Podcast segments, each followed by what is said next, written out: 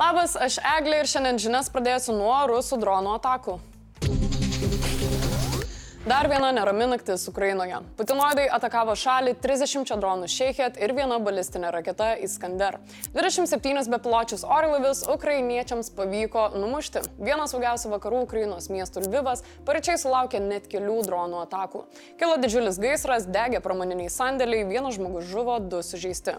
Teroristai nepalieka ramybėje ir Hersono. Šiandien per apšaudimą sviediniui pataikius į troleibusą žuvo policijos seržantas ir buvo sužeisti dar du keleiviai. Nuo Nuolat kenčiantis terorusijų išpolius sumai per pastarą parą atakuoti 37 kartus, per kuriuos fiksuotas 171 sprogimas. Tačiau turime ir gerų žinių. JAV gynybos sekretorius Lloydas Austinas Ramšteino kontaktinės grupės susitikimo metu pareiškė, kad amerikiečių tankai Abrams bus pristatyti artimiausiu metu. Na, tikėkime spės, kol keliai nuo lietaus nepažliugo, kitaip šis 53 tonų metalinis monstras bus tik selfiams tinkamas. Nors ir be Abramsų, bet ukrainiečiai neblogai ženkliai praretino orkų dalinius Bakhmuto kryptimi. Ukrainos ginkluotosios pajėgos sunaikino 72-osios motorizuotųjų šaulių brigados, 31-osios gvardiečių oro desantų pajėgų brigados ir 83-osios gvardiečių oro desanto pajėgų brigados padalinius. Šie Mordoro padaliniai dalyvavo kontratakose, prastai ginkluoti ir bandė sustabdyti Ukrainos ginkluotojų pajėgų polimą. Patys orkai guodžiasi, kad per beprasmiškus jų dalinių išpolius žuvo keli šimtai žmonių. Tuo tarpu Ukrainos saugumo atstovai atstovas teigia, kad Mordorė pamasgų rogimas įsibėgėjo ir netrukus gali išmušti visus kamščius. Oleksijas Danilovas teigia, Wagner sukilimo pavyzdžių nebus, tačiau Rusijoje bręsta sukilimas, kuris lems Rusijos federacijos susiskaldimą. Jis sako, kad situacija su Kadirovu yra vienas iš veiksnių, kuris taip pat turės įtakos šiems procesams. O Kadirovas, kad jį kur galas, gajus kaip COVID virusas. Jau netoks pavojingas, bet niekaip nesibaigia. Išsiaiškinta, kur buvo padarytas paskutinis Putino pakaliko vaizdo įrašas. Manoma, jis buvo nufilmuotas rezidencijoje Grozno centre. Apie tai esą byloja medžio linija, du pėsčiųjų takai ir fone matomas pastatas. Tačiau kuriuo metu darytas įrašas ir kokia Kadirovo būklė vis dar lieka neaišku.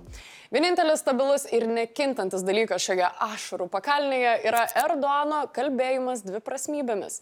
Junktinių tautų generalinėje asamblėjoje New York'e jis pareiškė, jog neturi jokios priežasties nepasitikėti rusais ir kad pasitikė Rusija tiek pat kiek vakarais. Šiaip jau vakarais tai jis visai nepasitikė, tai gal tada ir Putino nelabai. O Dieve duokit vertėją vertėjui. Remigijus Žemaitaitis ir vėl portalų antraštėse. Valdantieji Seimui patikė apkaltą dėl buvusio partijos laisvė ir teisingumas pirmininko. Nutarimo projekte dėstoma, kad Žemaitaitis savo socialinio tinklo paskyroje skleidžia pastovius antisemitinio pobūdžio pareiškimus. Dėl jų jis galimai pažeidė ne tik konstituciją, bet ir Seimo nario priesaiką.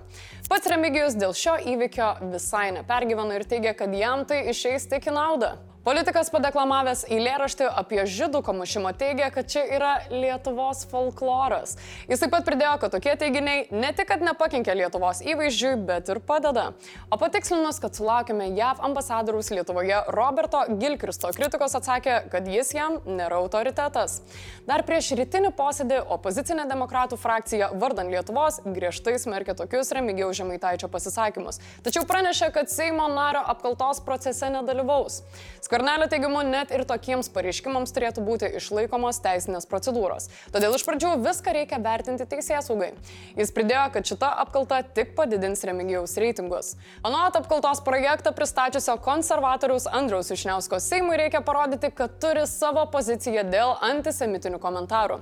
O Seimo pirmininkė Viktorija Čmilytė Nilsen pridėjo, kad tokie žemaitaičio pareiškimai ne tik meta šešėlį visai institucijai, bet turės pasiekmių užsienio politikoje.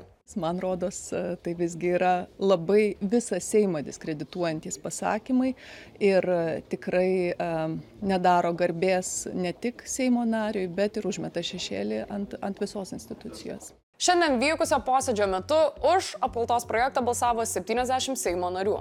Jų sprendimu buvo sudaryta komisija, kuri tirs, ar yra pagrindas pradėti apkaltą. Tokią išvadą jie turėtų pateikti iki šių metų gruodžio pirmos dienos.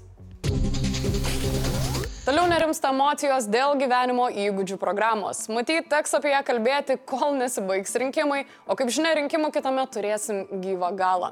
Todėl dažnas politikas jaučia nenumaldomą poreikį pasisakyti. Lietuvos valstiečių ir žaliųjų sąjungos pirmininko pavaduotojas Aurelijus Vyrygas siūlo gyvenimo įgūdžių programą stabdyti iki kol bus vadovėliai, kol visi galės juos pamatyti ir tikrai bus nuimtos visos baimės. Nes ten yra labai nemažai gerų dalykų, tikrai reikalingų, bet silpnoji šios programos programos dalis yra lytiškumo ūkdymas. Prezidentūra taip pat pasisako už programos stabdymą, argumentuodama netinkamų pasirengimų. Pasak prezidento patarėjos Iranos Segalovičienės, pedagogų pasirengimas yra esminis kokybės indikatorius. Švietimo, mokslo ir sporto ministras Gintutas Jakštas teigia, kad apie gyvenimo įgūdžių programą sklando daug mitų, kurie nėra tiesa, o ją renkti pradėjo dar buvusi vyriausybė ir kviečia kritikus prieš diskutuojant bent jau ją paskaityti. Taip pat tvirtina, kad pedagogai šioms pamokoms yra pasirengę ir dar galės tobulintis. Nuo šių metų įdėkta gyvenimo įgūdžių pamoka 5 ir 7 klasėse bus dėstoma kartą per savaitę, o 9 klasėje kartą per 2 savaitės. Palaipsniui nuo 1 iki 10 klasės šiam dalykui bus skiriama po vieną savaitinę pamoką. Šią žinią baigsime naujienomis iš Sirijaus. Minugas Paidokas šiandien suringė spaudos konferenciją Ne gyvenimo įgūdžiams ir vaikų seksualizacijai Lietuvoje. Joje neliko žodžių, tokių svarbių mums visiems kaip mama, tėtis, berniukas, mergaitė, šeima. Tai iš tiesų kyla klausimas, e, ko tada turėtų būti mokomi kaip esminių vertybių e, šiuose pamokose mūsų vaikai. Pasiklausęs konferencijos darosi aišku, kad kai kuriems žmonėms prieš 40 ir daugiau metų vertėjo kur kas atsakingiau žiūrėti į kontracepciją. Išmoksi, ant pečių nenešiosi. Bet kol vieni mokosi, kiti streikuoja. Antradienį vykusiame susitikime švietimo ministras ir profesinių sąjungų atstovai bandė ieškoti bendro sutarimo. Tai yra darbų užmokestis, krūvis, klasių dydžiai, tai negalime turėti skirtingo sutarimo. Tai apie tuos tris, šitas tris dedamasias dimensijas ir diskutavom. Sprendimų galutinių nesame prieėmę, dėl dalies sutarėm, dėl dalies sutarėm kol kas, kad dar nesutarėm. Praėjusį penktadienį vyko įspėjamasis, o jau rugsėjo 29 dieną planuojamas tikrasis streikas. Jo tikslas rasti bendrą kalbą tarp profsąjungų ir švietimo ministerijos atlyginimo ir mokinių skaičiaus klasėse klausimuose. Profesinės sąjungos vadovas nusiteikė skeptiškai. Ministerijos darbą vadina apgaulę ir kompromisui prošvaiščių nemato. Tuo tarpu streikuojantis mokytojai susiduria su per dideliu krūviu, kuris darbui kokybės tikrai neprideda. Aš e, turiu bijoti pasakyti, kad aš pervargus, etatas mūsų yra išpūstas. Norėtume, kad būtų 18 ar 20 pamokų tame, o turim daug daugiau visada. Taigi, ar realu tikėtis kokių nors pokyčių? Gintotas Jakštas patikino, kad klasių mažinimas galėtų prasidėti, tiesa, tik ten, kur tai padaryti fiziškai įmanoma. Turime užkirsti per didelėms klasėms egzistavimą, nes dabar yra virš 600 komplektų kur yra viršijamas maksimalus klasės dydis, tai tą taip pat e, įsipareigotume, kad to nesitęstų ateityje. Klasės mažinti jau bandė kelios savivaldybės, tačiau daugumoje vietų paprasčiausiai trūksta pedagogų. Nors, kaip pažymė ministras, kai kur problemą išspręsti nebūtinai reikia didesnio mokytojų skaičiaus, užtektų ir pertvarkyti tinklo valdymą savivaldybėse. Švietimo ministras taip pat patvirtino, kad šiais metais mokytojų atlyginimai nebekils, nes šiemet tai jau buvo padaryta, kadangi šalies biudžetas planuojamas metams į priekį, mokytojų uždarbis numatoma 130 procentų šalies vidutinio atlyginimo turėtų pasiekti kitų metų rudenį. Konkrečius skaičius ministras kiek vėliau sustikime aptarė ir su pačiomis profsąjungomis. Atlyginimai ne viena problema, dėl kurios mokytojai nepatenkinti. Streikui įtakos turi ir emocinis faktorius. Dalis mokytojų viešoje erdvėje susiduria su įžeidinėjimais, kurie sudaro įspūdį, jog jų profesija negerbiama. Ministras dėl to taip pat nėra patenkintas. Dedame visas pastangas, kad prisidėtume prie visų problemų, su kuriuom susiduria mokytojai sprendimo ne tik tai darbo užmokesčiu, bet ir su, kitom, su kitais iššūkiais, su kuriais susiduria. Sunkumo mokytojams kelia įrengiami kvalifikaciniai mokymai. Pasakiau, biudžetas panaudojamas neprasmingai ir dalis mokymų yra tiesiog nekokybiški.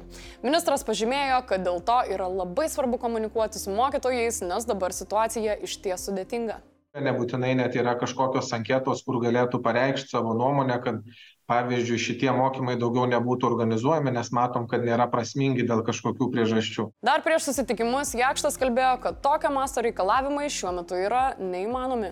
Tokio švietimui skiriamų lėšų augimo dar nėra buvę. Tačiau viskas priklausys nuo pačių profsąjungų, ar to nebus per mažai, ar teikiami siūlymai joms tiks. Blitz naujienos. Azerbaidžiano kariuomenė oficialiai pranešė apie pradėtą karinę operaciją smogtą armėnų ir vietos separatistų pajėgoms. Operacija vykdoma nepripažintoje Kalnų Karabacho Respublikoje. Nurodoma, kad šios operacijos tikslas - konstitucinės tvarkos atkūrimas. Smūgiai pradėti vykdyti prieš Armenijos ir Kalnų Karabacho kariuomenės objektus. Azerbaidžiano užsienio reikalų ministerijos pareiškimu vienintelis kelias į taiką - Stepano Kerto režimo panaikinimas ir visiškas Armenijos kariuomenės išvedimas iš Kalnų Karabacho. Lietuvos bankas tiesia pagalbos ranką šalies piliečiams, komerciniams bankams pasiūlydamas išplėsti gyventojų galimybės pasirinkti būsto paskolų palūkanų tipą. Jų siūlymas būtų leisti rinktis tarp kintamųjų ir fiksuotų palūkanų. Teigiama, kad tai leistų vartotojams lengviau vertinti palūkanų pliusus ir minusus. Nepriklausoma smulkiai elektros tiekimo įmonė Ekto Energija baigė veiklą. Apie tai pranešė portalas LRT. Apie veiklos nutraukimą bendrovės savo klientus informavo vėlų pirmadienio vakarą. Elektros energijos tiekimo tiekimą perdavė nepriklausomai elektros tiekimo bendroviai Enefit. Vartotojams buvo pažadėta, kad elektros kainos ir sutarties sąlygos išliks nepakitusios. Dar nesiuošėte skiepytis papildomą COVID-19 vakciną, galbūt jau reikėtų. Artėja ne tik gripo banga, bet ir matome staigiai kylančius koronos skaičius. Praėjusią parą nustatyti 476 COVID-19 lygos atvejai. Ligoninėje dabar nuo šios lygos gydomi 42 pacientai, 2 iš jų reanimacijoje. Ir nors pandemijos metu buvo nustatoma virš 10 tūkstančių atvejų per dieną, nepamirškite, kad ir dabar nevalia atsipalaiduoti.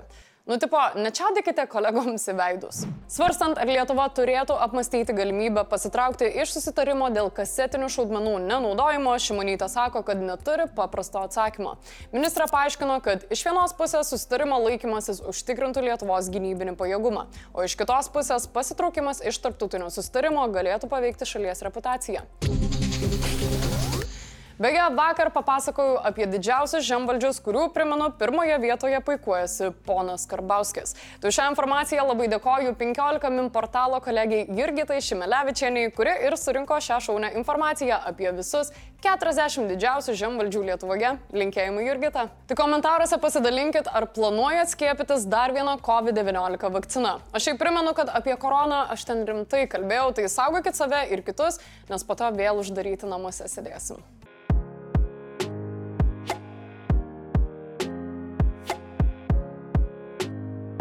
Komentarų metas. Praeitoje laidoje klausiau jūsų, ką reikėtų įtraukti į UNESCO. Dviprasmiškai idėja dalinasi vienas komentatorius į sąrašą siūlydamas dabartinį Seimą, nes labai gali būti, kad juos tuoj išvaikys. O aš siūlau dar pagalvoti, ar tikrai norim išsaugoti tokius kaip gražulis. O štai toks Arvydas Zauras saldina mano širdį ir sako, kad UNESCO sąraše trūksta manęs.